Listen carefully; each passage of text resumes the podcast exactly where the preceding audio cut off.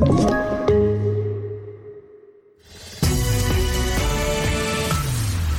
Det här är TV4-nyheterna där vi börjar med att berätta att det utbröt en skottlossning sent igår kväll i ett bostadsområde i Halmstad.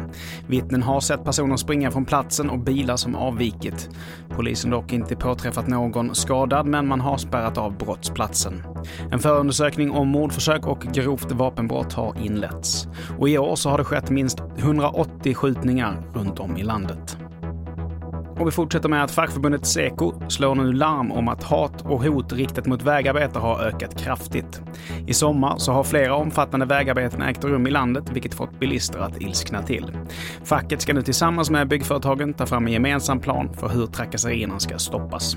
Både hoten och, och vålden ökar. Tidigare så, så kanske man satt och, och knöt näven i bilen och nu helt plötsligt så knyter man näven åt personen eller att man går ut och verbalt skriker eller hotar med att köra över någon. Eller man flyttar gränsen helt enkelt. Och det sa Andreas Forsberg, ordförande Väg och ban.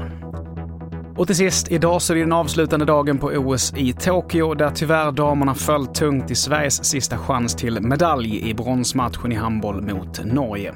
Den matchen slutade 36-19. Det var det senaste ifrån TV4 Nyheterna. Jag heter Mattias Nordgren.